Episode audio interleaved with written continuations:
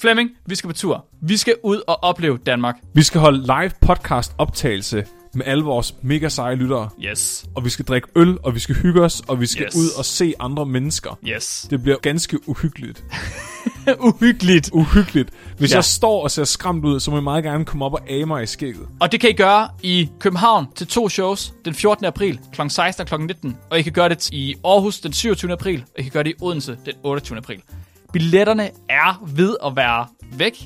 Der er stadig billetter tilbage, så man kan stadig få nogen, men det går stærkt. Så det er bare med at gå ind og få fat i en billet. Selvfølgelig tager jeg harmonikaen med. Fuck, menneskekroppen er den sygeste maskine Det nogensinde. er, det er så vanvittigt. Hvordan kan du have så forskellige diæter og så stadig overleve? Det er så sindssygt. Jeg forstår det slet ikke. Jeg trives endda. Jeg trives, ja. Altså, jeg, jeg, jeg tror mere og mere på, når min far han fortæller, at han har levet af avispapir og enderne på øh, sterinlys. det må jeg fandme sige. Det tænker jeg, det, det er jo fedt i sterinlys. Det kan man da godt leve af. Dengang jeg var... Jeg fik bare en lussing til madpakken. så hvis jeg var rigtig heldig, så fik jeg salt i den og øh, kørte en sild hen over den bagefter. Nom, nom, nom, nom, nom, nom, nom. Vi bringer en advarsel. Den følgende podcast handler om vanvittig videnskab. Al forskningen, der præsenteres, er 100% ægte og udført af professionelle. Mark og Flemming står ikke til ansvar for eventuelle misforståelser, men minder jeg om, at de altid har ret. Husk at være dumme.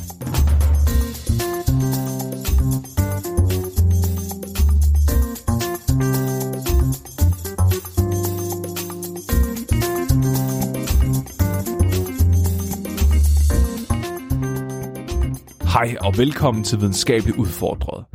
Din bro til vanvittig videnskab. Jeg er Flemming. Og jeg er hjertefejl. Døden ved solsikkeolie. Mark Lyng. Uh, det er rigtigt. Vi skal snakke om helse i dag. Helse. Simpelthen sundhed og helse, Helsemark. Flemming. Og madolie. Ja. Ej. Kan du huske, Flemming, øh, i afsnit 14, der fortalte du om sodavand. Og fortalte om cola, og du fortalte om sukker. Det er rigtigt. Det var det afsnit, hvor Radio 4 de blev sure på os. Blev de sure på os? Nej, de... Gjorde de det? De ville bare ikke De sende var det, sådan, nu skal I lige sørge for, hvem er I ligger ud med her. At Når I laver, Sagde de så det? sørg for at lave ordentlig research til... Nogle gange så hører du det, du gerne vil høre, Flemming. Og nogle gange så Ja. det, du gerne vil høre, det er det værste. Ja, Okay, jeg det tror ikke, det var så dramatisk. Det har jeg fået at vide i dag på mit arbejde.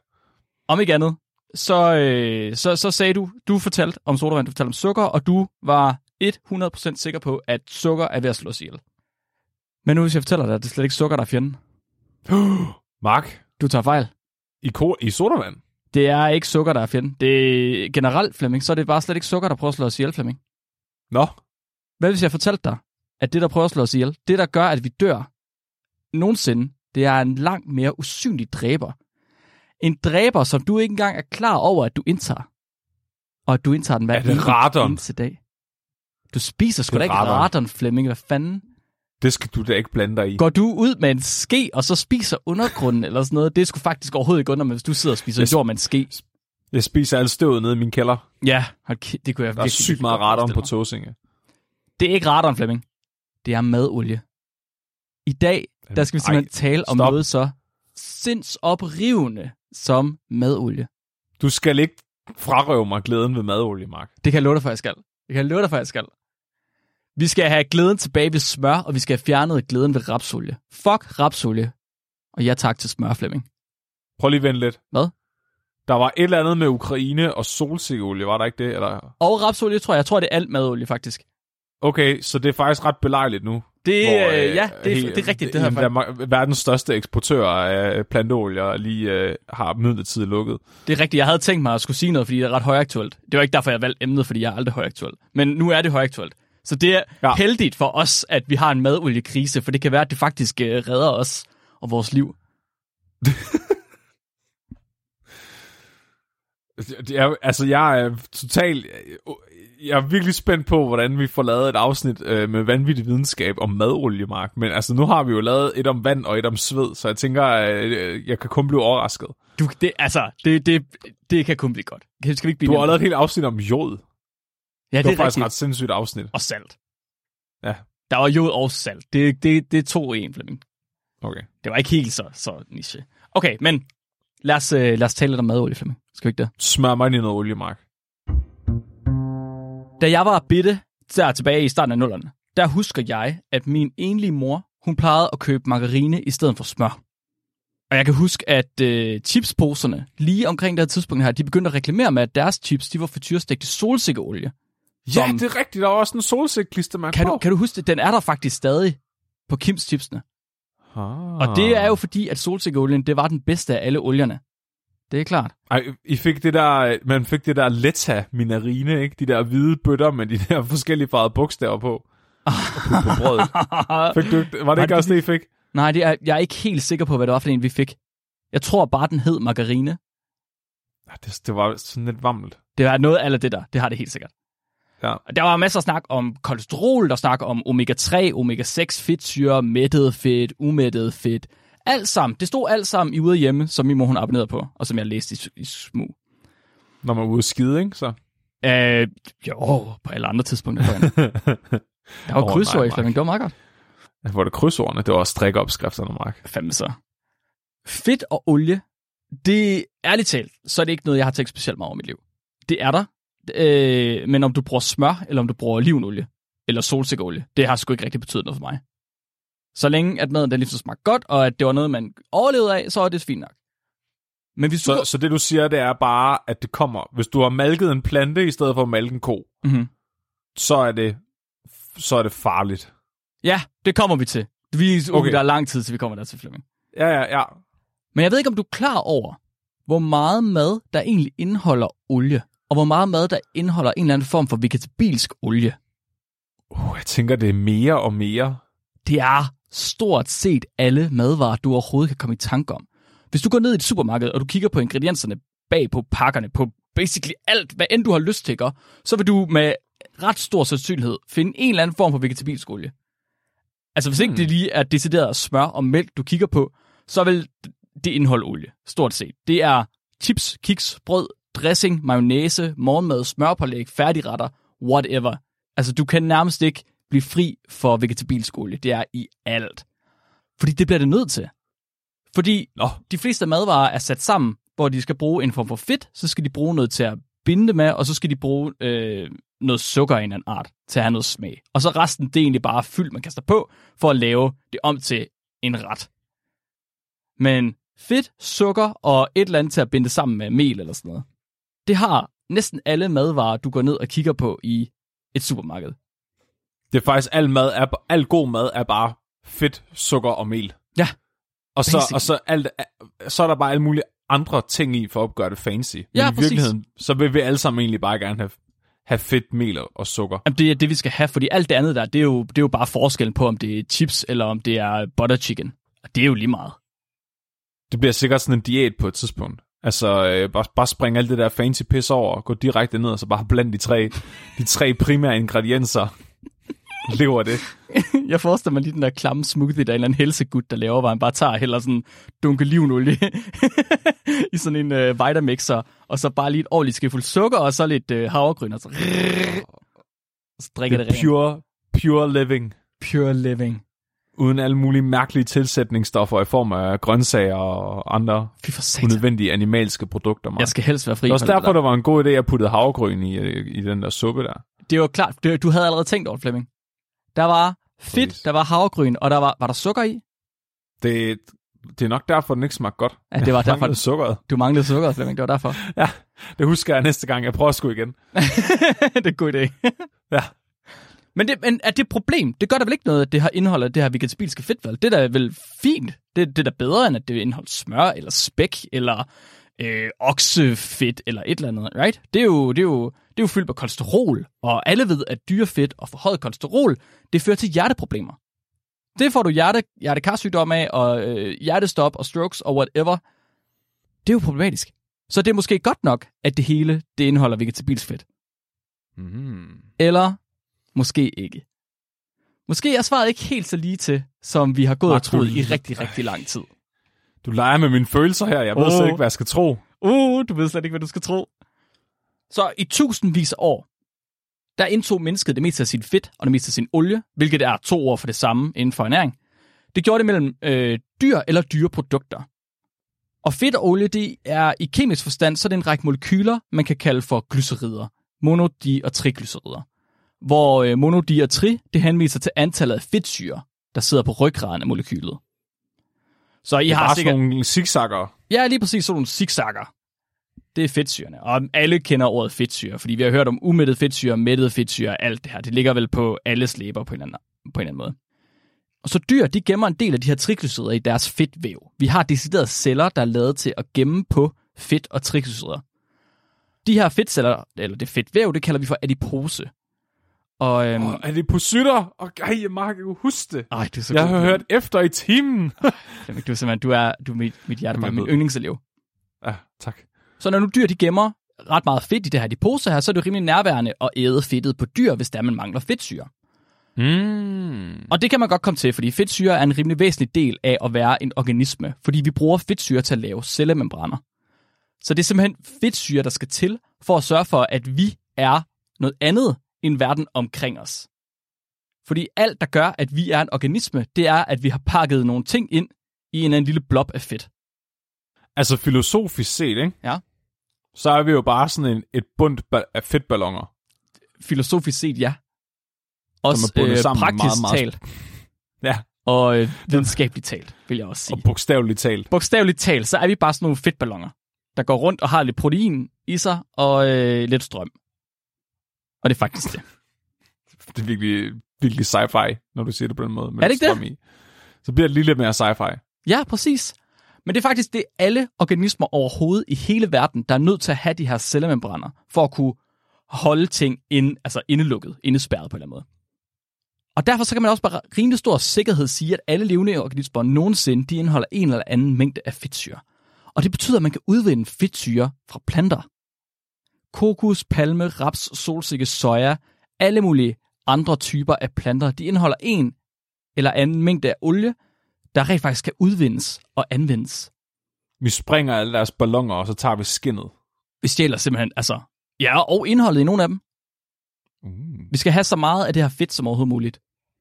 Og ikke nok med, at det kan udvindes og anvendes, så kan det også ædes. Og det er sgu da smart, var. Det er faktisk ret smart, når man kan spise ting. Det kan jeg godt lide.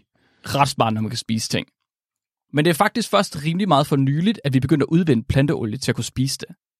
Så i øh, 1829, under den industrielle revolution, der havde man i USA en ret stor bomuldsproduktion. Og øh, frøene fra bomulden, de blev egentlig bare smidt ud. Dem skulle man ikke bruge til det skid, man skulle kun bruge bomulden rundt om til at lave tøj af. Men der var lige pludselig nogle ingeniører, der kiggede på de her frø her og tænkte, det er fandme, det er fandme, det er sgu spild. Det, det skal ikke smides ud, det der. Det er, dårligt, det er en dårlig idé. Har du lige set, hvor gode de frø er? Dem kan man helt sikkert, det kan, dem kan man sikkert spise. Det er, det er jeg ikke i tvivl om. Og de indså... Ej, det er sikkert, de har været ligesom mig og, og min kammerat Tør, ikke? Det er sådan, de har set gratis affald og tænkt, hmm, Hmm, hmm er det, har du tænkt dig at smide den der ud? en mand skrald er en mand skuld. Bare læg den om bag min bil. ah, Ken- Kenneth, Kenneth, Kenneth, du kan ikke spise det der. Det går, det går ikke. De spurgt ind i øh, affald og, og, og, du ved, produktionsolie. Nej, nej, nej, nej, nej, nej, det er, ikke- det er guld, det her. Jamen, Det er jo frø. Jeg venter stadigvæk på et eller andet, jeg kan bruge de der flamingokasser til, jeg har snuppet. på et eller andet tidspunkt skal jeg nok gøre dem spiselige og blive milliardær. Jeg skulle lige sige, har du prøvet at presse dem? Ja, Jeg se, om der kommer noget ud af dem. Ikke, nej, ikke hårdt nok. Nej. Så, de her ingeniører her, de indså, at bomuldsfrøene, de indeholder en nogenlunde mængde olie. Der er en mængde olie i dem, som man godt kunne få ud af dem. Om ikke andet, så er der i hvert fald, der var så mange bomuldsfrø, at hvis man bare pressede dem alle sammen, så ville man da få en eller anden form for olie ud i hvert fald. Så de udviklede nogle maskiner, der kunne presse olien ud af de her frø her. Og det var ret heldigt, fordi lige omkring det her tidspunkt, der begyndte man at have fanget valer til, udød, til uddødhed, så at der ikke var flere valer. Og det var noget lort, når man skulle tænde ild i sin valelampe. Ja. Right? Det er fandme træls. Så øh, bomuldsolie, det blev til et billigt og et nemt alternativ, så når man kunne brænde sin olielampe om aftenen, og så smøre sine bomuldshøstmaskiner. Det var pissefedt. Det så behøvede man ikke bruge val. smart at finde ud af at bruge altså bomuldsskrald i stedet for døde valer. Det er jo faktisk rimelig innovativt. Ja. Det vil jeg fandme sige. Det er, det er overhovedet ikke dumt tænkt. Også fordi, at man havde så pisse meget affald fra bomuldsproduktionen. Så selvfølgelig skal det bruges til det. Det er da klart. Så går der en 60 år eller sådan noget, og så i 1884, så finder man ud af, at man kan fandme gøre det samme med majs. Uh. Man kan simpelthen gøre det samme med majs. Og øhm, 14 år efter, i 1898, der havde man forfinet majsolien så meget, at nu kunne den bruges i madlavning. Hvorfor kunne den ikke det før? Uh, fordi at den smagte rimelig dårligt før. Det kommer vi også ind på. Mm. Men man har simpelthen udviklet, at man har, man har fundet ud af, ikke bare at ekstrahere al den her majsolie her, men også at få den gjort spiselig, fordi det er jo en kemisk proces at få det her ekstraheret. Og øh, man er lige nødt til at skal optimere lidt på den her kemiske proces, for det, er, det bliver spiseligt igen. Jeg troede bare, man fik en hel masse børn med bare til, til at stå og trampe på dem. Nej, det er faktisk ikke godt nok i det her tilfælde her. Nej, okay. Der er Heller simpelthen ikke, børnene er meget tykke. ja. Der, men, men der er simpelthen ikke nok olie i de her majs her til, at du kan, selv de tykke børn, de kan ikke presse olien ud af dem. Sigt. Der kan du bare se. Fire år efter, at man har fundet ud af, at man kunne bruge majsolie til madlavning, der havde man allerede solgt 106, eller der solgte man 136 millioner liter majsolie om året. Det er mere end 9 liter, Mark. Det kan jeg godt fortælle dig. Det er ret meget mere. Fire år efter det kom på markedet, er den første madolie nogensinde. Det er fuldstændig vanvittigt, men det bliver vildere nu, fordi kort tid efter, det folk de har kigget på der majsolie, de har tænkt, det er fandme smart, det kan man lave mad i. Genialt. Men det ligner ikke det der dyrefedt, jeg er vant til. Det dyrefedt, jeg er vant til, det kan jeg holde i hånden, og så kan jeg spi- spise af det med mine tænder. Det er jo hvidt og hårdt. Hvorfor er det her ikke hvidt og hårdt? Det er jo irriterende. Sådan lækkert blødt grisebolsje. Ja, hvorfor kan jeg ikke, hvorfor kan jeg ikke få sådan en spækpind, jeg kan slikke på? Svinekaramel. Ja, svinekaramel. Hvorfor, hvorfor ligner min majsolie ikke svinekaramel? Det, fald, det smelter i min hånd. Det vil jeg ikke have. Det er det træls. Åh oh, nej. Og Flemming, det var der nogle ingeniører, der så.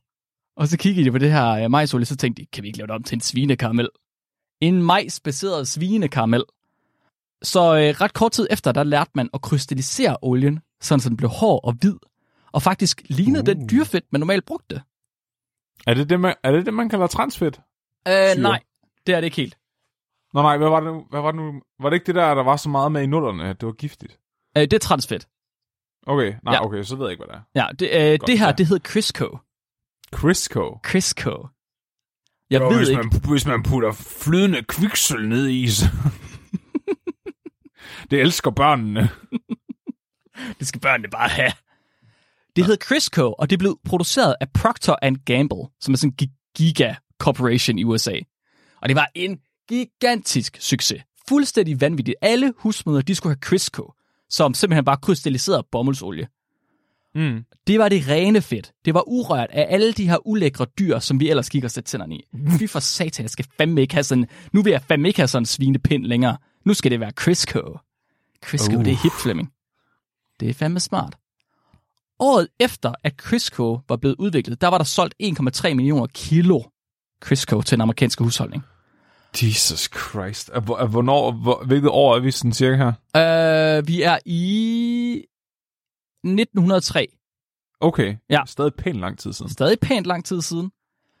Samme år, som der var blevet solgt 1,3 millioner kilo Crisco, der udkommer den videnskabelige artikel, der hedder Clinical Features of Sudden Obstruction of the Coronary Arteries.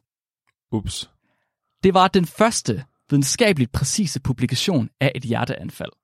Uh. Aldrig nogensinde tidligere havde man haft et, øh, et hjertetilfælde, som var videnskabeligt, hvad skal man sige, publiceret, hvor det var forekommet i arterierne.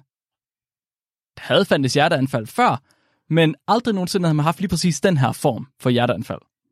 Okay. Og det er lidt pudsigt, at den her publikation dukker op nu, right?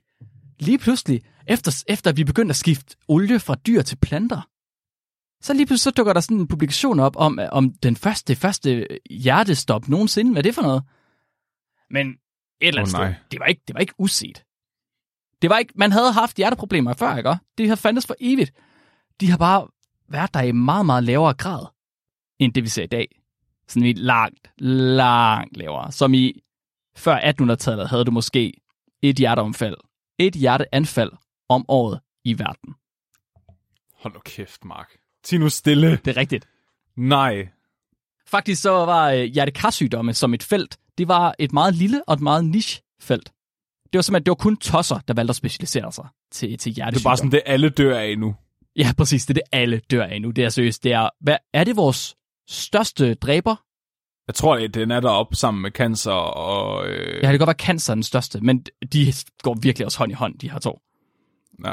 Det var, det var et mega nichefelt. Der var ikke rigtig nogen, der gad at gøre det, fordi det var kun tosserne, der var sådan virkelig interesseret i hjertet, som, som gik op i det, fordi der var ingen Hvad, hvad fanden skal man hjertesygdom? Det var jo ingen, der havde. Det skulle da lige meget. For Det er fuldstændig bizart at tænke på. Ja, ja. Og der, du ved, at du kunne gå i overvis og ikke have nogen form for funding. Du var bare den der lille, den der gut, der gik alene på gangen på universitetet og ikke havde nogen som helst form for penge til at forske i. Det er fuldstændig... Men til gengæld, dem der gik rundt og, og kiggede på infektioner. Mhm. Åh oh, nej, jeg skammer på et stykke papir. Ja, Fortæl til min familie, at jeg elsker dem. præcis. ligger jeg mig og dør herover den her øh, stafylokok-infektion, jeg ikke kan gøre noget ved. Og nu om dagen er der bare ingen, der dør af inf- Okay, der er nogen, der dør af infektioner, men det er i hvert fald noget lavere grad, end det var i øh, 1800-tallet. Ja, ja, men det er jo, nu, nu er det jo folk, der øh, forsker infektioner, som der er ikke nogen, der gider at tale med, og dem, der Præcis. forsker hjerter, som alle vil hænge ud med. Ja, fuldstændig. Så fire år yderligere. Og nu er der solgt 30 millioner kilo Crisco i USA. Omkring det her samme tidspunkt, der bliver den amerikanske hjerteforening, The American Heart Association, etableret. Og det gør den, fordi man begynder at se en stigning i hjertekarproblemer. Man, hvilket giver ret god mening, fordi man er gået fra at have 0 til at have rigtig mange. Sponsoreret af Crisco. Sponsoreret af Crisco og sponsoreret af Procter Gamble. Det kommer vi også ind på. Det begynder at blive mere synligt, at folk de dør af hjerteanfald, og man tænker, at nu må det, nu, det kan godt være, at vi lige skal lave en form, sådan en forening. Det at vi lige skal, skal have nogen, der kan formidle den her nye fare. Kan fortælle folk, I kan godt dø af hjertet. I kan godt dø, hvis hjertet stopper. Det er meningen, det skal gøre det der duk duk duk duk, du Det, ved. og det skal blive ved med at gøre det der duk, duk, duk, duk, du ved.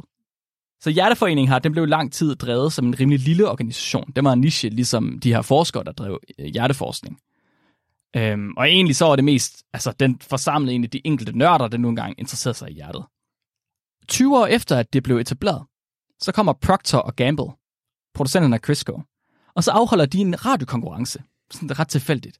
Og øh, ud af den her radiokonkurrence kommer der så nogle penge, og alle de her penge, de får ud af den radiokonkurrence, vælger simpelthen at donere til Hjerteforeningen. Lige pludselig, så går Hjerteforeningen fra at have 0 dollars til at have 1,7 millioner dollars i 1940 penge. Det er et lidt shady move. Uh, det er et lidt shady move. Kan du forestille dig, øh, hvad der sker bagefter? Jeg skal lige, jeg skal lige lave kobling her. Så det Mhm. svarer til, der er nogen, der har spist Marks madpakke. Mhm. Der er ikke rigtig nogen, der ved, hvem det er. Så lige pludselig så beslutter Flemming sig for at gå over og give Mark halvdelen af sin madpakke til ham. Mm-hmm. Uden nogen sådan umiddelbar motivation. Uden nogen umiddelbar motivation. Ved Flemming måske godt, hvem der har spist Marks madpakke? Så når han handler sådan. Uh, det skal jeg ikke kunne sige, om Flemming han ved. Måske kan det være, Flemming Men, han men ved. måske vinder Flemming noget på så at, at give Mark halvdelen af sin madpakke, fordi Ej. Ej. så virker han ikke så suspekt længere, og så vil Mark måske også virkelig lidt nederen, hvis han begynder at pege på Flemming og sige, jeg tror, det er Flemming, der har spist min madpakke, fordi nu har han jo fået halvdelen af Flemming. Huh, kunne det være måske, at Flemming han kunne finde på at få Mark til at sige, at det faktisk er øh, Nikolaj, der er den onde? Fuck, selvfølgelig er det Nikolaj, der har spist din madpakke. Right? Ja. Så øh, Hjerteforeningen her, de får 1,7 millioner dollars. De går fra 0 til fucking hot på en nat. Altså, det er sindssygt. Hjerteforskning bliver bare mega hipt over nat. Det er sindssygt. 10 år senere, der øh, får præsident Dwight Eisenhower, der får han et hjertestop. Og nu er hjertekarsygdom ikke noget, der bare er på nogle få lægers læber. Nu er det på hele den amerikanske befolknings læber. Og når det er på den amerikanske befolknings læber, så er det også på resten af verdens læber. Så hele verden, de finder ud af, at hjertekarsygdomme, det er noget fucking lort. Nu skal jeg finde ud af, hvad forårsager det, og hvad kan vi gøre for at undgå det? Så jagten, den går ind på en løsning. Og løsningen kommer ret hurtigt fra Hjerteforeningen selv. Husk lige på, Hjerteforeningen, de er sponsoreret af Procter Gamble, som er produceret af Crisco. Og øhm, Hjerteforeningen, de siger, vi skal bytte de der mættede fedtsyre fra animalsk fedt ud med umættet fedtsyre fra vegetabilsk fedt. Faren er i smør og mælk og ost og spæk. Kan I huske det der, I spiste dengang, I ikke fik hjertekarsygdomme? Oh yes! Det er det, der er problemet. Oh yes, lige I præcis. skal spise mere af vores produkt, som kom på markedet efter hjerte, lige før hjertekar. Det er ret pudsigt, fordi der er lavet en del af sådan nogle grafer, der viser øh, indtaget, det, det gennemsnitlige daglige indtag af øh, animalsk fedt, eller mættet fedtsyre, og så det gennemsnitlige daglige indtag af vegetabilsk fedt, eller umættet fedtsyre. Øh, folk de bruger det lidt i flæng, men de mener som regel mættet og umættet fedtsyre. Og øh, så har de så også taget antallet af hjertestop, der har været over tid. Og der kan man simpelthen se, der er ingen ændring. Vi har ikke ændret vores indtag af animalsk fedt eller mættet fedtsyre overhovedet siden 1900-tallet. Mm-hmm. Ingen ændring. Vi spiser det samme. Men vegetabilsk fedt, det har ændret sig med op til en faktor 20.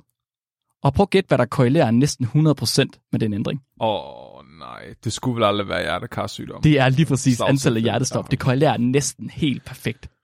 Det er ligesom den der graf, hvor man ser øh, antallet af cigaretter, der bliver røget, og antallet af case, altså folk med lungekræft. Ja, det er, De bare følges perfekt ad med sådan 40 års mellemrum eller sådan noget. det er præcis det, man ser her. Det er præcis det, man ser her.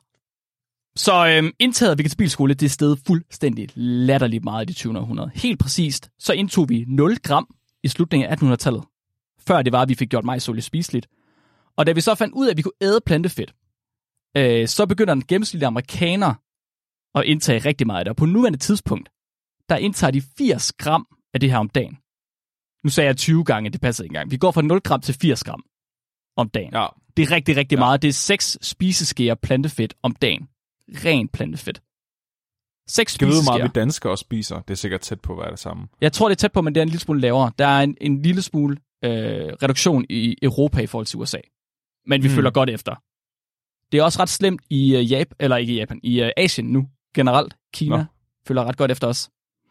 Så øhm, de spiser 80 gram eller 6 spiseskærer, og det svarer altså til 32 procent af den gennemsnitlige, amerik- den gennemsnitlige amerikaners daglige energi. En tredjedel af en gennemsnitlig amerikaners daglige energiindtag er plantefedt. Det er virkelig fucked. Og det er jo ikke fordi, de sidder og æder det her i fucking spiseskefulder. De spiser det jo som frityreolie. De spiser det jo som skjult olie i brød, de køber i supermarkedet. For nogen ved de ikke engang, at de indtager så meget olie.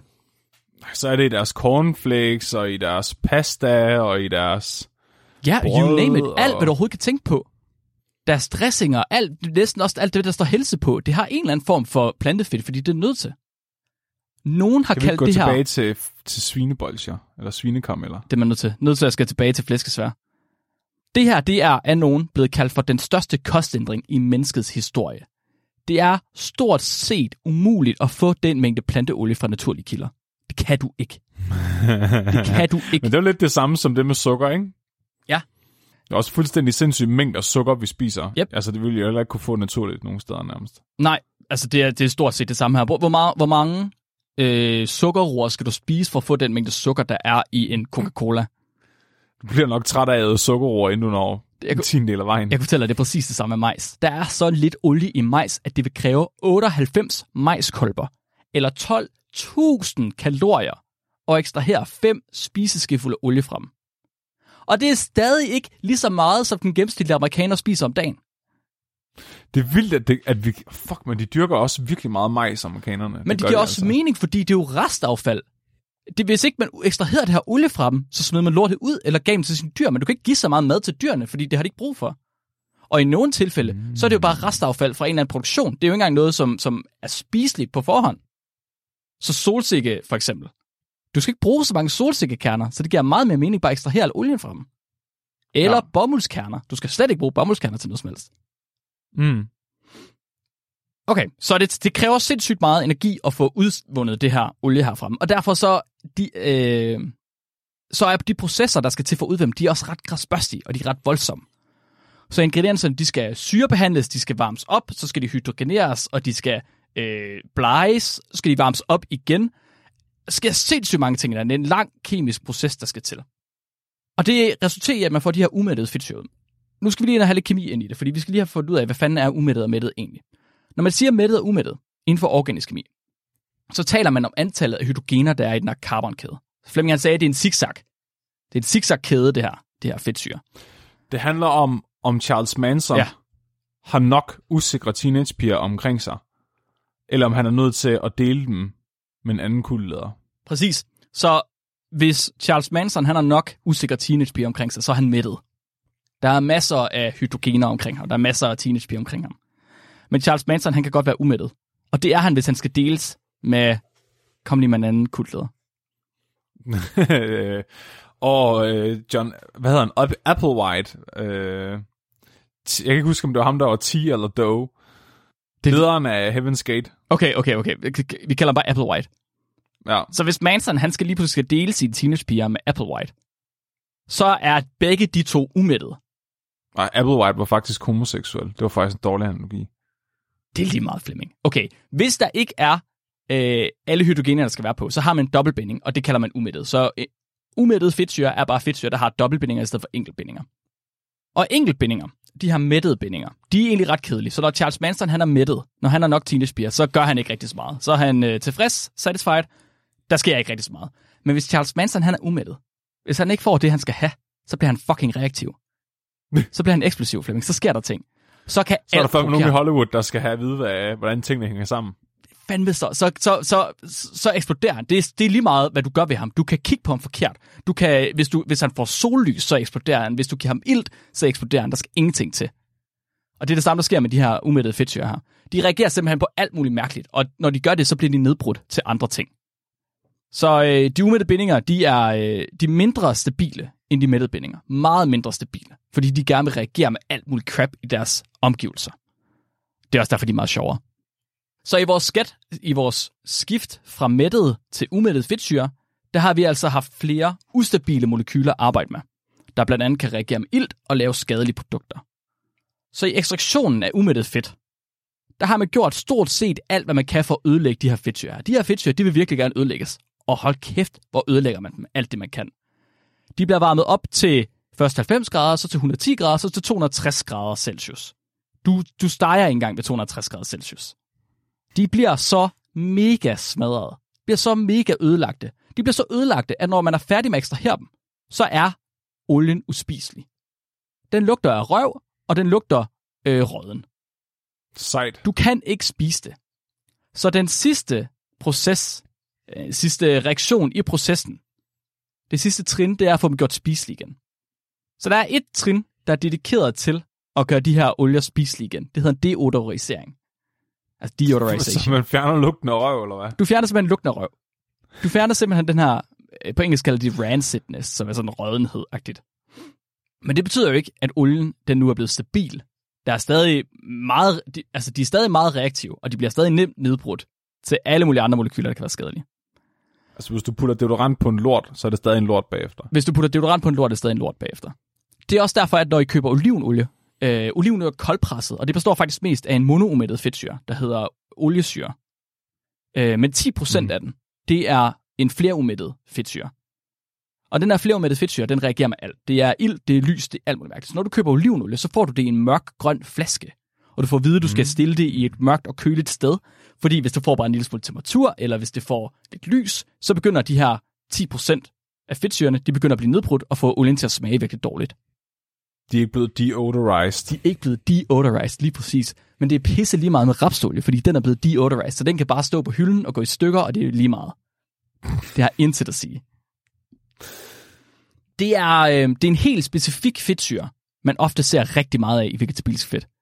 Den er flerumættet, den er omega-6, som betyder, at den har en dobbeltbinding for hvert sjette kulstof, og så hedder den linolsyre. Linolsyre, den er problematisk, fordi at den ophober sig i kroppen. Eller, det, det, er egentlig ikke, det er ikke problematisk af sig selv, at den ophober sig i kroppen, fordi det er faktisk det, den skal. Så øh, linolsyre fungerer som et signalmolekyl i vores mitokondrier. Men fordi vi indtager så ustyrligt store mængder linolsyre, så ophober det sig alle de forkerte steder. Netop hvor det reagerer, og hvor det bliver nedbrudt. Og det bliver blandt andet nedbrudt til 4-hydroxy-2-non-enal, som er en aldehyd. Mm. Hvad er ellers en aldehyd, Flemming? Kan- Har du en aldehyd, der øh, vi ikke kan lide? Du har Du snakket, må lidt, ikke spørge mig om sådan noget, Mark. du har snakket lidt om Du tømmermænd ikke engang. lade... Oh, er det etanal? Etanal eller acetaldehyd. Oh, Ja, præcis. Så acetaldehyd eller etanal er øh, årsagen til, at vi får... Man mener, det er årsagen til, at man får tømmermænd. Den her 4-HNE, 4-hydroxynonenal, den er altså trinet værre. Og den er også trinet værre end det. Det er ikke tilfældigt, de slutter på anal. Det er ikke, det er ikke tilfældigt, de slutter på anal. Det er en aldehyd, der er associeret med aldring, hjerteproblemer, diabetes, cancer og Alzheimer's. Nice. Den er stort set grund til øh, alle moderne livsstilssygdomme. Og vi har simpelthen grundsten til at lave det her molekyl. Og vi har grundsten til at ophobe sig i vores krop. Hvorfor har jeg ikke hørt om det her før? Ja, det er ikke sindssygt. Det er en kæmpe konspiration. jeg, jeg har indtil vi optog det her afsnit, så, jeg, så tænker jeg altid, at planteolie, det var godt. Ja, det øh, kan være, du ændrer mening efter det her. Det er en kæmpe konspiration, det her, Flemming. Jesus Christ. Og det vilde er, vi, skal, vi har linolsyre i vores krop, der ophober sig. Og vi skal ikke engang gøre noget specielt for at lave det om, fordi det klarer det selv bare ved at være til. Det reagerer bare med alt, hvad du har i kroppen. det er fandme smart, var. Det er fandme smart, så det bliver bare til lort med det samme. Det er ikke længere deodorized, når det kommer ind i din krop. Nej, nej, nej, nej, nej, nej, så bliver det virkelig odorized. Så lugter du bare Hvis af... folk kunne lugte planteolien ind i din krop, ville du bare stinke af mosel. Det kan være, det er derfor, man lugter så råden, efter man har spist frityremad. Siver bare ud gennem huden Det er bare alle de hyder, der kommer ud. Er det også derfor, man lugter efter, øhm, når man er tømmermænd? Det er alle de hyderne, der lugter. Huh. Ja, det kan godt være, at man bare stinker af analstoffer. Det kan godt være. Så øh, der er et review, der, blev, øh, der udkom i 2015, der faktisk har samlet samtlige amerikanske studier, der gennem tiden har rapporteret, hvor meget af vores fedtvæv, der er linolsyre. Så jeg sagde, det ophober sig i vores krop, det ophober sig også i vores fedtvæv. Så man har simpelthen kunnet finde ud af, hvor stor en del af den fedt, der er i vores fedtvæv, er linolsyre. Den her ene lorte poliomættede fedtsyre. Og i det her review her, der så man, at siden 1955, der er vi gået fra at have omkring 9% linolsyre, til at have over 20% af alt fedt i vores krop være linolsyre. Fra 9 til 20 procent. Ja, fra 1955 til 2008, fra 9 til over 20%. Jeg tror, det er rigtigt tal. du til mig, at 20 procent af mit fedt, det er stinkeolie? 22. Det er sådan en gennemsnitlig amerikaner, men det var i 2008, så det er nok mere nu. Mark, Ja, juridisk set har jeg nok lidt mere, jeg har meget, jeg, men det kan jeg ikke lide. Jeg har meget fedt på min krop. Jeg vil, have, jeg vil gerne have, at det skal være svinefedt. ja, men så må du fandme spise noget mere svin, Flemming. Ja. Flere svinebolcher, flere flæskesvær. Ja, Du er på et forkert... mere du, fløde. mere fløde. Ren fløde og smør. Og men, men, men, men, men, men Flemming, de her 9%, som var det lave, ikke? det var i 1955. Og hvis du lige tænker dig om, så i 1955, der havde vi allerede spist vegetabilsk olie i mange år. Den, den optimale koncentration er vel 0. Måske. Men hvordan finder vi ud af, hvad den optimale koncentration den er? Man må finde øh, på en eller anden måde en befolkningsgruppe, der ikke æder alt det her fucking olie. Ha. Og så, Kunne man måske finde en befolkningsgruppe, der ikke æder alt det her olie? Det kunne man måske godt. Så der er nogle forskere, der har stillet sig selv spørgsmål. De vil gerne vide, hvad var niveauet på i 1860? Før vi begyndte at ekstrahere planteolie. Men det er jo ikke muligt. Ja. Vel, det er umuligt. Altså, det, man, man, man kiggede ikke efter linolsyre i 1860. Fordi dengang, der vidste man ikke engang, hvad planteolie var. Altså, kan man ikke bare øh, grave nogle lige op? det er faktisk godt bud. Det, det har jeg ikke set, om der er nogen, der har gjort. Øh, men jeg har fundet nogen, der har gjort det næstbedste. De har nemlig gjort præcis, hvad du foreslår. De har fundet en befolkningsgruppe. De har faktisk fundet tre forskellige befolkningsgrupper, mm. øh, der ikke har en, hvad skal man sige, moderne vestlig diæt, eller moderne diæt i det hele taget. Mhm. Så det er øh, rundt omkring i verden, der findes der folkefærd, der stadig lever på diæter, der ikke har forarbejdet mad overhovedet. Så jeg har fundet tre folkefærd. Det ene, det er Masai-krigerne fra Kenya og Tanzania. Det andet, det er Atoll-folket fra Tokelau. Det er nogle øer, der ligger øst for Australien. Og så det sidste, det er Tukisenta-folket fra Papua Ny Guinea. Mm-hmm. Alle tre folk, der ikke lever af forarbejdet mad, de spiser øh, kun øh, råvarer, der ikke er behandlet på nogen måde, udover det, de selv gør ved det. Så de her folkefærd, de lever hver især vidt forskellige diæter. Meget forskellige diæter. Men alle tre folkefærd, de er fri for overvægt, de er fri for hjertekarsygdomme, og de er fri for diabetes. Sikkert også alle mulige mentale lidelser, som... Ja, det kan godt være. Det, det er der ikke nogen, der har kigget på. Det var ikke vigtigt dengang. Nej. Men hvis nu man analyserer deres diæter, så kan det jo være, at man kunne finde fællesnævner for dem, og måske finde ud af, hvilke faktorer, der har en indflydelse på vores livsstilssygdom. Åh, oh, det er fandme sejt. Jeg har også set et studie øh, und- øh, i sidespor, men hvor man har kigget på tænderne blandt øh, folk, der lever altså af naturprodukt, altså le- spiser, som vi gjorde, da vi var jægersamlere. Ja. Og ikke spiser bearbejdet mad. Mhm. Mm-hmm. Man kan bare se, de har perfekte tænder. Fordi at vi, det er meningen, når vi er små, åbenbart, at vi skal tykke på hårde ting, sådan så vores gane bliver udvidet, så der er plads til tænderne. Men fordi vi spiser så meget blød og bearbejdet mad, så får vores gane ikke udvidet sig ordentligt. Og så får vi heller ikke ordentligt kæbeparti, og så har vi ikke plads til vores tænder, og så får vi de her fucked up tænder. Der er sådan nogle før-efterbilleder af nogle øh, afrikanske øh, st- stammefolk, som er, altså, hvad der skete med dem, efter de blev introduceret til vestlig mad. Og deres tænder blev bare fuldstændig knippet. Det, det er så mega vanvittigt. Du snakkede om det i vores afsnit om svenske børn, der fik bolcher, var det ikke sådan? Nå jo, det er rigtigt. Ja, Om lørdagsslik. ja præcis. Om lørdagsslik, det er rigtigt. Ej, det er sindssygt. Jeg tror også, det er det, vi når frem til i konklusionen af det afsnit her. Så øh, konklusionen bliver, det er vestlig forarbejdet med, eller moderne forarbejdet kost, der er altså kilden til alt ondt i vores mm. Livsstil. Okay, lad os lige kigge på de her folkefærd. Vi skal igennem dem alle sammen. Og jeg tænker, vi starter med Masai-folket. Så Masai-folket, det er et hyrdefolk, der drikker komælk, så spiser de kød fra deres kvæg, og så drikker de blodet fra deres kvæg også. De. Nice. tager ligesom alt, hvad de kan fra koen. Mændene i uh, Masai-stammerne, de vejer i gennemsnit omkring 55-60 kilo, og så har de en diæt, hvor de indtager ca. 3.000 kilokalorier om dagen. Okay. Hvad? Jeg skal Prøv indtage... vent lidt. Så du siger til mig, at de vejer halvdelen af, hvad jeg vejer, Ja. ja. men de spiser stadig mere? Ja, det gør de. De spiser vel en tredjedel mere, end du gør. Altså, jeg spiser, men jeg tror, jeg spiser to, mellem to og to og et halvt. Jeg bevæger mig bare ikke nok. Okay, jeg får, jeg får, jeg får omkring to. Ja. Så de spiser i hvert fald 50% oven i min kost, og de vejer stadig mindre, end jeg gør. Og jeg forestiller mig, at nogle af dem de er højere, end jeg er. Det er syret. Jesus Christ. De, får, de render rundt. De render rundt. Det skal der satme ikke være nogen tvivl om. Eller også, så har de bare en rigtig diæt, Flemming. Den rigtige sammensætning af, af, af fødevarer. Hvad? Så 17% af deres kost, det er kulhydrater. 66% af deres kost er dyrefedt. 66% af deres kost er dyrefedt. Prøv lige at høre der. De æder bare spæk. 33-45% af deres kost, det er mættede fedtsyre. Næsten halvdelen af deres kost er mættede fedtsyre. Den amerikanske ja. hjerteforening, de anbefaler, at mættede fedtsyre ikke udgør mere end 5-6% af vores totale energiforbrug. Eller energiindtag.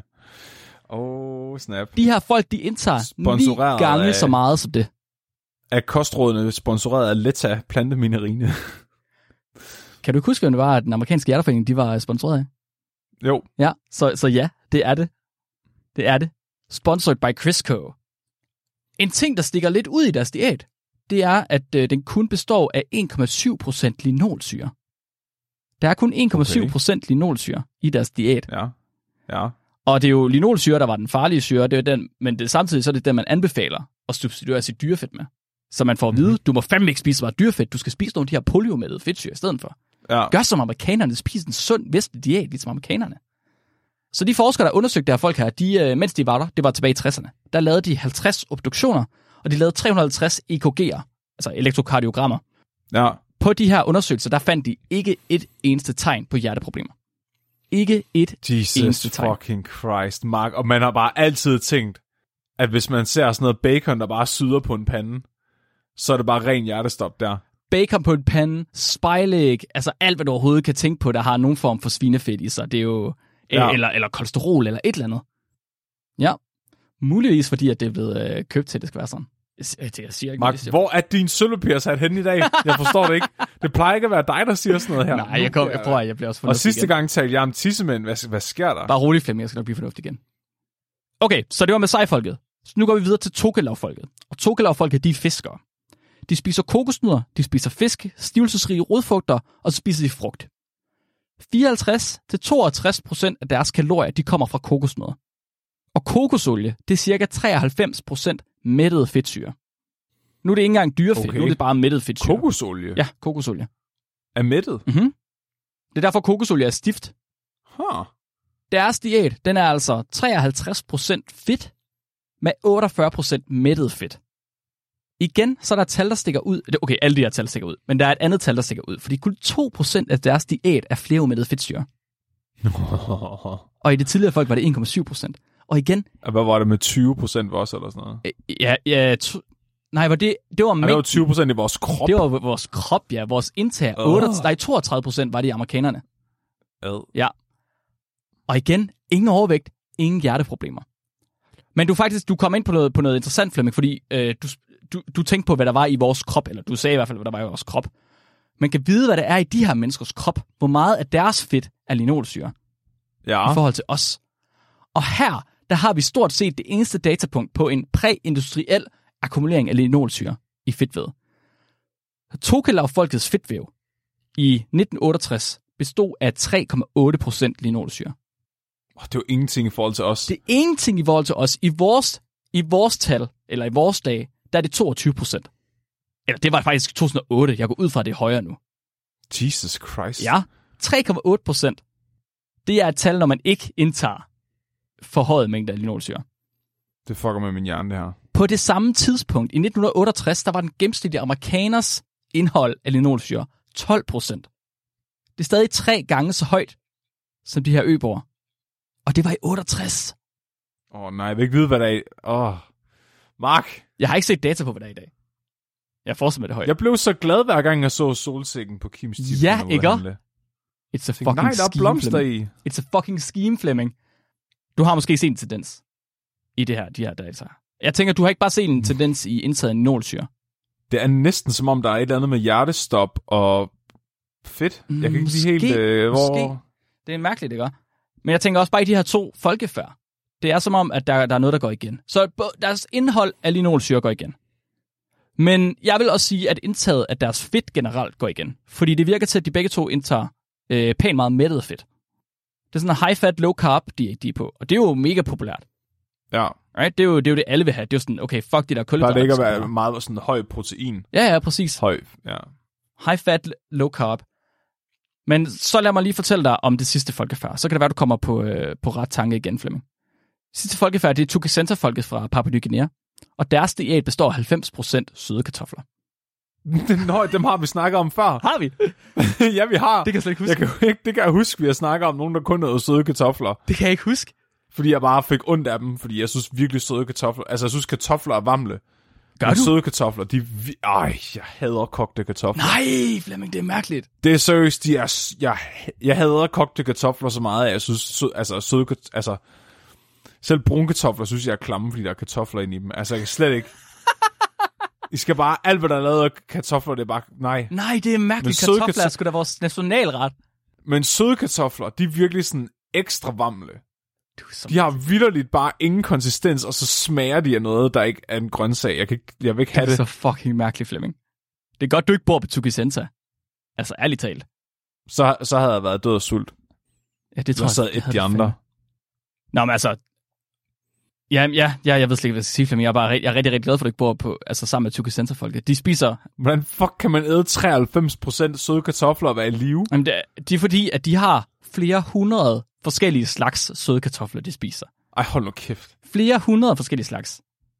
Så spiser de lige en 7% det lilla, og så spiser de lige en orange, og så spiser de lige en brun, og der er mange forskellige, og det kan man blande, Flemming. Jeg vil, I dag vil jeg godt have både en orange og en lilla. Oh, Hvad siger du til mig? Det Hvordan er de ikke sponsorer af sådan, altså Samsø kartofler eller? Altså, jeg forstår ikke. Jeg tror, de ligger for langt væk Jeg fra Samsø. virkelig sådan sindssyge marketingsmuligheder der. Så de spiser 90% søde kartofler. Og så, du, så tænker du nok, hvad fanden er de sidste 10% så? Det er jorden på kartoflerne. Det, det er jorden på kartoflerne. Nej, ikke helt. Øh, de, en gang imellem, så fester de. Og så får de lige øh, lidt svin eller kylling. Og det er simpelthen de sidste 10% af deres øh, indtag. Medindtag. Okay, okay. Deres diæt er 95% kulhydrat, 3% protein, 2,4% fedt. Okay, okay. Men hvor, der er jo ikke særlig meget umættet fedt i sådan nogle kartofler, vel? Der er ikke særlig meget umættet fedt i sådan nogle kartofler. Men de får generelt heller ikke særlig meget mættet fedt. De får heller ikke særlig meget mættet fedt, det er rigtigt. Så nu har vi lige pludselig det modsatte af, hvad vi havde før i de to andre folkefærd. Men har vi det? Bortset fra, ja, har vi det? Det der linolsyre der, Uh. det er jo ikke sikkert, de har så meget af det. Det har de nemlig ikke, fordi det er kun 0,6% af deres energiindtag, der er linolsyre. Det er jo ingenting. Det er jo ingenting. Det er jo basically 0. Ja, Og stadigvæk, så er der ingen forekomst af overvægt, ingen forekomst af hjertekarsygdom, og ingen forekomst af diabetes. Selvom de nærmest kun æder kulhydrater. Selvom de nærmest kun æder kulhydrater. De her mennesker, de burde ikke være i live, men De burde være diabetikere alle sammen. burde være diabetikere alle sammen, men de er beskrevet alle sammen som værende øh, fedte og velernæret og uden, fuldstændig uden de her problemer. De her livsstilssygdomme. Fuck, menneskekroppen er den sygeste maskine Det nogensinde. er, det er så vanvittigt. Hvordan kan du have så forskellige diæter og så stadig overleve? Det er så sindssygt. Jeg forstår det slet ikke. Jeg trives endda. Jeg trives, ja. Altså, jeg, jeg, jeg tror mere og mere på, når min far han fortæller, at han har levet af avispapir og enderne på øh, sterinlys. det må jeg fandme sige. Det tænker jeg, det, der er jo fedt i sterinlys. Det kan man da godt leve af. Dengang jeg var... Jeg fik bare en lussing til madpakken. så hvis jeg var rigtig heldig, så fik jeg salt i den og øh, kørte en sild hen over den bagefter. Nom, nom, nom, nom, nom, nom, nom. så, så, så hvad betyder egentlig noget for vores livsstilssygdom? Gør kulhydratindtaget? Det gør det ikke. Fordi ved Masai-folket, der indtog de kun 17% kulhydrat. Ved Tokisensa-folket indtog de 95% kulhydrat. Eller 95% af deres energiindtag var kulhydrat. Gør fedt indtaget noget? Det gør det heller ikke, fordi Tokisensa-folket, de har kun 2,4% af deres energiindhold, der er fedt. Og Masai-folket, de har 66%. Fuck, jeg skal cleanses for det der fucking linolsyre der. Hvad så, hvad så øh, mættet fedtsyre snakker vi også lige om kort. De farlige faste fedtstoffer. Dem, oh. som den amerikanske hjerteforening, de anbefaler, at du ikke skal indtage. Og stort set, Svinekaramel. stort set alle andre sundhedsprofessionelle også. Tukisenserfolket, de havde 1% mættet fedtsyre. Det er jo perfekt. Det er jo det, øh, American Heart Association, de siger rigtigt. Mm. Men Masai-folket, de havde 45%, og Tokelau-folket, de havde 48%. Ja. som er fucking ni gange mere end det anbefalede indtag. Hvad så med mono? Det virker... Øh, Ja, nej, bare kør. det, det, det lyder næsten som om, at kostrådene bare er fucking bullshit, og, og det bedste kostråd måske i virkeligheden er at lade være med at æde noget processed mad. Fordi kostrådene er højst sandsynligt sponsoreret af folk, der sælger bearbejdet mad.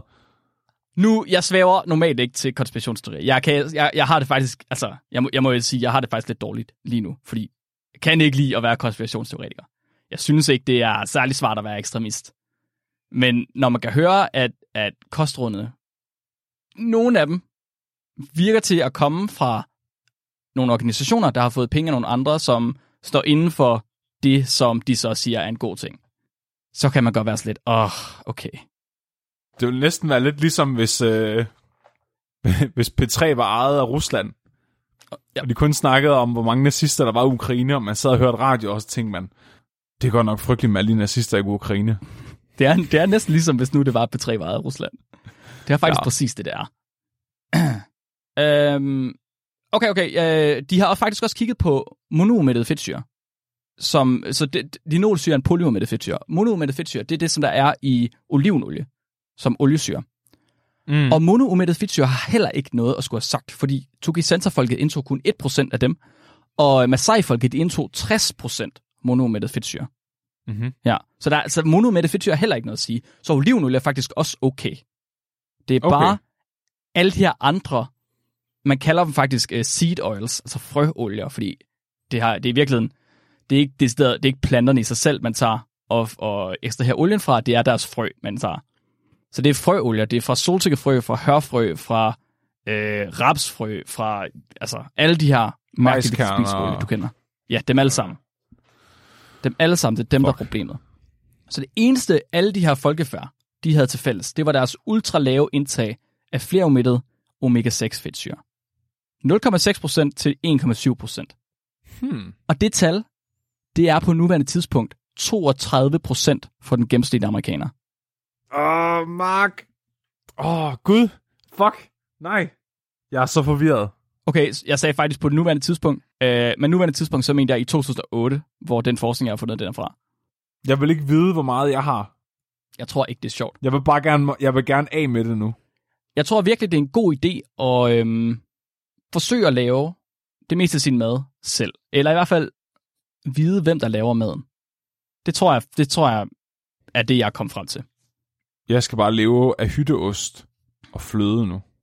Men et eller andet sted, Flemming, så du har også bare taget mine ord for gode varer. I og med, Ja. at jeg siger, at øh, linolsyre, den er farlig. Jeg stoler blindt på dig. Du stoler blindt på mig. Skulle Ja. jeg ikke lige tage at komme med noget bevis Jo. for det her? Lidt mere. Lidt mere bevis. noget mere. Så øhm, linolsyren, den ophober sig i vores mitokondrier. Det er jo der, hvor den skal foregå, øh, fungere som signalmolekyl. Og mitokondrierne, det er jo det powerhouse of the cell. Og i mitokondrien, der kan det faktisk gå ind og fucke med de fedtsyre, der normalt sidder i mitokondriemembranen. Og det er simpelthen membranen. Husk, at membranen er fyldt med fedt. Det er membranen, som mitokondrier de bruger til at lave energi. Mm-hmm. Så hvis membranen i mitokondrier de er fucked up, så kan mitokondrierne ikke længere lave rigtig øh, lave energi, som de plejer. Og når det sker, så har man set, at det kan føre til alle de sygdomme, jeg listede tidligere. Så man har for eksempel set, at hvis man øh, ved mus kunstigt putter linolsyre ind i deres mitokondrier, så bliver de syge og lever kun halvt så lang tid, som mus, der ikke får linolsyre. Mark, Mm-hmm. lad være. Det er rigtigt nok. Stop. jo. Så du, vil, du ender med noget fedtvæv, Ja. der er dårligt til at blive omsat til energi. I, det kan ikke omsættes til energi. Jeg tror ikke, jeg ved, øhm, det er faktisk også et spørgsmål, jeg ved ikke, om vi kan nedbryde det. Det, jeg har set, der, men det var sådan en ekstremist, der sagde det. Han mente ikke, at vi kunne nedbryde det til energi. Men et eller andet sted, så er jeg ikke helt sikker på, at jeg tror, det er rigtigt. Det er svært for os at nedbryde, så det bliver ophobet. Jesus. Og ikke nok med det, så har man også set, at fedtsyrene, der bliver inkorporeret i ens celler, de kan have en effekt på, hvor lang tid man lever. Altså, hvor langt ens alder bliver. Og det er rimelig almindeligt kendt, at størrelsen på en organisme, det generelt hænger sammen med dens maksimale levealder. Right? Fuck. Ja, så i, i, nej, det, det, nej, nej, nej, på den gode måde. Så du ligger, du ligger, du ved, det er en opadgående øh, korrelation. Så en mus, den lever... jo større dyr er jo, eller bliver det. Præcis, en mus, den lever generelt ikke så lang tid, og en elefant, den lever generelt rimelig lang tid. Right? Mm. Mm-hmm. Så man kan sige, ligesom se, der er, der er en opadgående tendens, hvis du, hvis du er, er tungere eller større i volumen, så lever du også længere. Men det datasæt, det ser man virkelig ofte. Men i det datasæt, der findes der også nogle ret kendte outliers. Så mennesket er for eksempel en outlier. Vi lever cirka tre gange længere, end vi burde, i forhold til vores størrelse. Nice. Hårløse jordrotter er outliers. De lever cirka fem gange længere, end de burde. Og echidnaen, den her mærkelige øh, pindsvin fra Australien, ikke? Det er ikke vigtigt. Det Den ikke. lever cirka fire gange så længe, som det burde. Så hvordan kan det være? Kan man, kan man beskrive noget af den varians, der er, eller er det bare fordi, at, der er, at det er bare en tilfældighed? Mm. Men i 2008, der var der en australsk forsker, der fandt ud af, at man kan beskrive noget af den her outlier, den her øh, varians, der er i outlieren. Man kan beskrive noget, af den, hvis bare man lige laver en anden korrelation. Så det er tit, man mm-hmm. ser, at en faktor er ikke beskrevet af bare en anden variabel. Det er ikke sådan, du kan sige, Nej. okay, din levetid er kun beskrevet af, hvor stor du er. Der kan også være andre ting, der går ind og spiller ind. Og han prøvede ja. Så at gå ind og finde ud af, hvad er det for nogle andre ting, der spillede ind. Og det, han prøvede at sammenholde, det var, at han tog levealderen på dyr, og så tog han og kørte det op imod mængden af let oxiderbare fedtsyre, man har i cellemembranen. For eksempel linolsyre. Og så så han, at des flere let oxiderbare fedtsyre, du har i din cellemembran, des kortere tid lever du. Fuck nu af, Mark. Lad være. Det er rigtigt. Og han kunne faktisk, han kunne faktisk få, øhm, få echidnaen og få den hårløse jordrotte få mennesket trukket helt perfekt ind på koalition. Så han fik beskrevet den varians, som han, man ikke kunne beskrive med størrelsen på de dyr. Så vi har faktisk fundet ud af, hvad vores x-faktor for at leve så lang tid er, Yes. og så sørge for at ødelægge den ved at æde olie fra frø. Yes. Sejt. Så hvis nu mennesket kommer tilbage til, hvis nu vi får spist nok frø til, at vi kommer tilbage til kun at leve 26 år, så vil vi jo faktisk passe perfekt med koalition. Og så vil, så vil vi, det vil måske være fordi, at vores cellemembran de begynder at være fyldt med linolsyre i stedet for. Vi må bare gøre det så godt vi kan, Mark. Mhm. Mm-hmm. Jeg skal til at drikke noget mere solsikkeolie, kan jeg godt høre, så jeg kan dø lidt tidligere. Hurtigere, Flemming. Jeg har, jeg har en trakt. Jeg bryder mig ikke om outliers. Nej, Dem fjerner man. skal se. Ja, vi fjerner dem. Vi fjerner dem, men vi fjerner dem ikke bare ved at snyde med data. Vi fjerner dem fandme ved at lave, ved at lave, ordentligt, lave om på science. Ja, vi laver dem om til brugbare data. Ja. Så Flemming, vi fylder os selv med skrald, der sænker vores levealder. Det giver os Alzheimer's, det giver os diabetes, hjertefejl, og det gør os overvægtige. Hvad kan vi gøre ved det? Hvis man hører på nogen... Selvmord. Selvmord. Det er det eneste rigtige. Det er den permanente løsning på midlertidige problemer, Mark. Lad os gøre det. Kan vi ikke... Jeg har en lidt mere bæredygtig løsning. Måske. Okay. Eller måske nogen har en mere bæredygtig løsning. Så jeg vil godt tilstå noget. Alt det øh, forskning, jeg har taget med i dag, eller ikke alt det forskning, jeg har taget med i dag, men det meste af det, det er noget, der er blevet gengivet af fanatikere. Stort set. Ekstremister. Folk, der synes, at, mm-hmm. at madolie er det ondeste i verden. De har set en konspiration, og så er de løbet med den.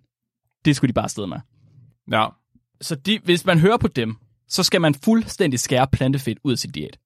Selv olivenolie. Bare kør rent dyrefedt. Du skal have bullet kaffe, eller bulletproof kaffe, eller fuck det hedder. Og du skal øh, altså spise spækket fra et svin rent. Du skal kigge i øjnene, mens du gør det, og så skal du grine. Men svaret, det er, det er jo aldrig så simpelt. Det er, jo- det er jo aldrig så nemt som at... Hvis du går fra den ene ekstrem til den anden ekstrem. Altså, det bliver aldrig godt. Du, du kan altid fuck op med dig selv på en eller anden måde. Jeg har brug for, det simpelt, Mark. Du har brug for det simpelthen. Jeg har besluttet mig for, at det var sådan, du sagde lige før.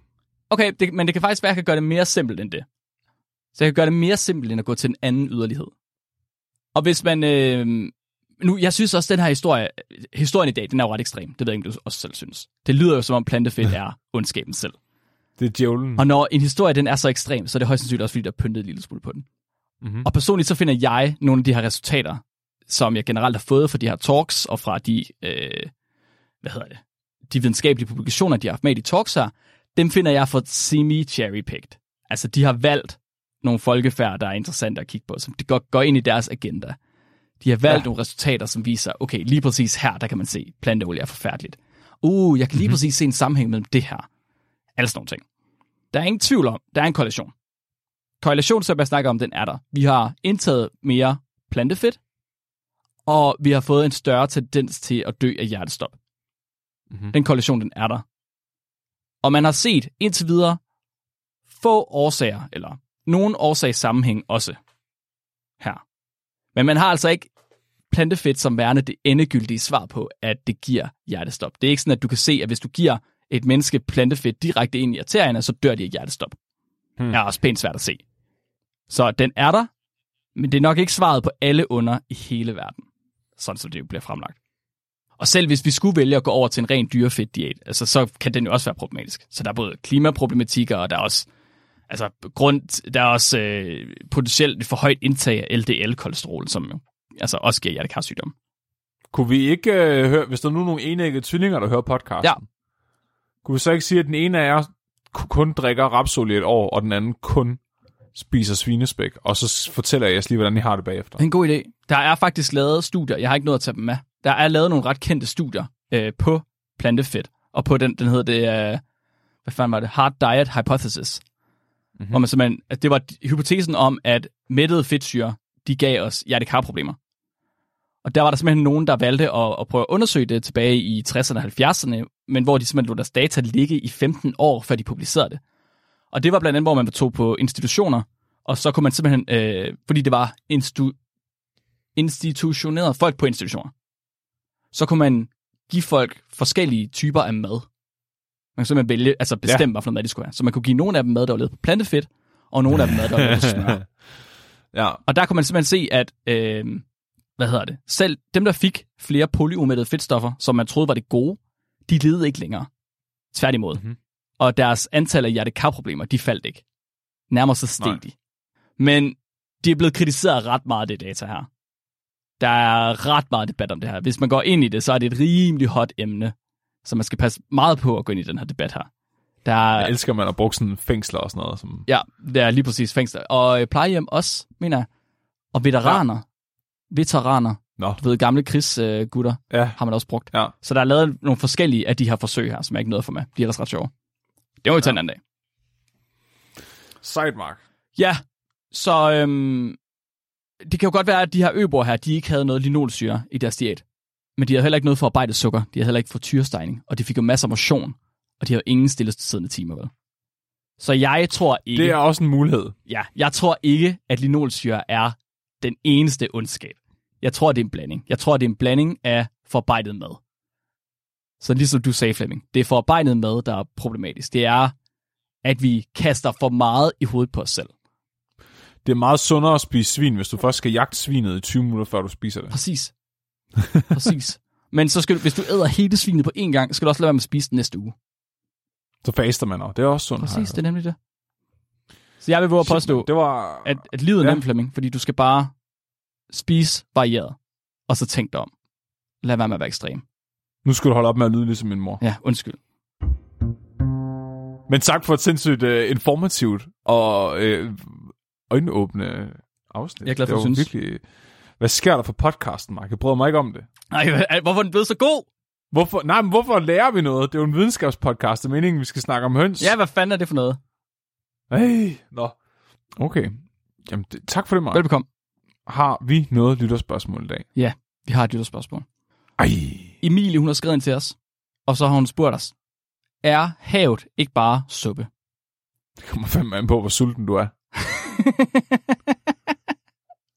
altså et eller andet sted, jeg er den personlige overbevisning, eller min livsfilosofi er, at alting er suppe. Alting er suppe. Ja. Men så kan du ikke lide noget som helst. Siger du ikke, at suppe er lort? Nej, øhm, jeg, efter jeg har fundet ud af, øh, så er det jo blevet besluttet øh, gennem et, et demokratisk retssystem, at tomatsuppe er mad Ja. og ikke vand. Og hvis vand er suppe, så må alt andet også være suppe. De, jeg, jeg er ikke Hvis helt sikker på, at tomatsuppe er suppe, så er der, hvis det kan være suppe, så kan alt andet fandme også være suppe. flæskesteg så er går også det suppe. meget. Så, Nej, men, det, jamen præcis, tarm og suppe betyder jo ingenting længere. Altså, det er jo mistet al, al betydning i min verden. Så altså, jeg er ligeglad. I kan bare, alt, alt er suppe. Fuck, du er det. pyldret, Flemming. Hvad? Fuck, du er pyldret. Du er den eneste person i hele verden, jeg faktisk tror, ville kunne lave en suppe, der smagte hav. Uden der var nogen, noget, der mindede om hav i. ja, præcis. du taber bare hele kartongen med salt i, det er jeg slet ikke i tvivl om. Ja, Og så henter du noget fiskesæde eller et eller andet. det er virkelig svært at få fat i. Ja, det er... Nej, er det det? Du kan ikke rigtig gokke en fisk af, de har jo Kan man ikke nogen penis. De fleste af dem, de øh, har bare sådan en sædeblære. Kan du ikke bare tage den? Hvis du er villig til at slå fisken ihjel, så er det jo nemt nok. Jamen, det er ikke, det er uetisk. Ja. Jeg skal ikke slå noget ihjel så lave stim- suppe, Flemming. Det er jo uetisk. Du- Hvad tænker du på? Hvad? Jeg ved det ikke. Ja. Du kan også bare skære finderne af dem og sætte dem tilbage i havet. Uh, det er jeg god hørt meget populært. Ja. Det, det, det skulle smage rigtig dejligt. Hvad synes du, Mark? Jamen, jeg, jeg tænker ja. Øh, hvad var det definition på en suppe, var? Den findes ikke længere. Jo, jo, jo, jo, jo. Vi havde en definition på suppe. Den er jo ligegyldig. Nej, hold nu Det har op vi være fundet så pyldret. Var suppe ikke en ret, der var lavet på... Og jeg kan fandme ikke huske det nu. Jeg vil våge at påstå ja, for jeg vil sige, at, at havet indeholder øh, krydderi i form af salt, og i form af øh, fiskesæd, og øh, en, en base, en, et protein, hvis man kan sige det på noget, i form af fisk, og, og valer, og hajer, og tang. Der er faktisk rigtig mange ting i. Det er faktisk en ret spændende suppe, tror jeg. Jeg tror, man kan få en ny Det er jo smart med global opvarmning, så bliver den jo ligesom kogt nu. Hold nu kæft, men så får man faktisk også tilberedt, så er det ikke bare gazpacho. Ja, bare se. Det er fiskegazpacho. Men det må, det, det må betyde, at hver gang man er ude og dykke, så kan man få sig en ny smagsoplevelse af den samme ret. Bliver den nogensinde for gammel? øh, ikke så længe vi sørger for at øh, holde festen i live. Okay. Så man kan godt komme Så er den tilbage, jo altid frisk. man kan godt komme tilbage en måned senere, og så tage en bid af den igen, og så er det, er det stadig okay. Ja, men det er jo det samme, hvis du ikke slår hønen ihjel i hønsesuppen. Ah, det er smart. Så bare stiller den i køleskabet. Og Det er så smart. Der ikke noget med den. Så siger den godt, når man åbner igen. Det er rigtigt. Det er jo lidt hyggeligt, når man går ned og skal have en aftensnack. Det er rigtigt. Må man bide i hønen, eller skal man bare spise udenom den? Udenom den. Okay. okay. Så man bider heller ikke i fiskene? Den afgiver hønsekrydderi. Kæft, det er Ja. smart. Så vi sagde ja, hadet er suppe. Hadet er suppe, fordi Flemming han er en dårlig taber, og fordi jeg synes, Alting at er suppe. det passer ind på definitionen. Suppe, suppe er et meningsløst begreb, efter at, vi, at I har vurderet, at tomatsuppe er suppe. Vi skal have det er rated sidste uges afsnit. Så uh, sidste uges afsnit om Tissemand fik en uh, utrolig gennemsnitlig score på 13 cm, hvilket uh, placerer den sammen med vores uh, afsnit om uh, kvantemekanik, afsnit 23. Er det slap eller stiv tilstand? Det er i stiv tilstand, Mark. Ja, det er godt. Eller i slap strukket tilstand, Slap fordi tilstand. der var jo en 0,99 korrelation. Fandt du nogensinde Så. ud af, hvorfor de ikke passer sammen, de tal? Nej, jeg besluttede mig for, at jeg ikke havde brug for at læse flere penisartikler Nå, efter det. okay, der kan man bare se. Ja, Nå. sorry. I må selv gå ind og læse den, hvis I finder ud af det. Og så kan I skrive til os, og så kan vi fortælle jer, at vi har ret alligevel, selvom vi tog fejl. Næste uges afsnit skal handle om aber, der øh, bliver øh, vokset op sammen med mennesker. Hvad kan, Der er lavet virkelig mange studier, før etik var en ting, hvor man gav chimpanser og børn lov til at vokse op sammen med hinanden. altså studier, eller har man bare gjort det? Be, altså, man har bare gjort det, men man har kaldt det et studie. Og så har man skrevet det ned? Ja. Det er faktisk... Det har været videnskabens navn. Ja, det er Mythbusters definition på videnskab. Der er et, et særligt berømt studie, hvor man prøvede at lade en dreng og en chimpanse vokse op sammen som brødre. Det kan umuligt have gået godt. Det gik rigtig godt, Mark. det nægter jeg tro på. Du siger det på en måde, så jeg selv ikke tror på det. Jeg er også virkelig spændt nu, når vi ved, hvor udspekuleret aber egentlig er. Det er ligesom det studie, hvor de lærte aber at bruge penge, Ja. og de bare begyndte, lige så snart de fik fat i pengene, så begyndte de at prostituere sig selv til hinanden og sådan noget. Åh oh, nej. Jeg tænker bare sådan, Åh, oh, okay. ja, jeg det bliver spændende. det bliver ubeha- jeg, tror, jeg, kan, jeg har det allerede ubehageligt. Jeg glæder mig. Okay. Hvis I gerne vil være mega seje, søde mennesker, så øh, overvej at gå ind og øh, lige følge med ind på fansiden, eller følg os på Facebook, så I kan følge med i, hvad fanden der foregår. Ellers, så kan I jo tage i byen med noget rimelig sejt tøj i form af vores øh, videnskabeligt udfordrede merch. Vi har en gal videnskabshøn, vi har en øh, flagmus bombe, vi har Charles Darwin, der kværker et eller andet fabeldyr. Og den er faktisk blevet taget af. Den er blevet taget af. Jeg håber, der var nogen, der nåede at købe den, inden den forsvandt. Vi, vi ordner det. giv den gas bit.ly vu shop. Mhm. Mm-hmm. Ellers kan I finde linket i episodebeskrivelsen. Yes. Har du en dyrefakt til mig? Det har jeg, Flemming. Apropos øh, mærkeligt fabeldyr, så har Frederik Strid skrevet ind, at næbdyr, de har ingen mavesæk. Deres spiserør, de fortsætter direkte ned til tarmen. Nej, lad være. det anede jeg ikke. Jeg Lad ikke så det. være.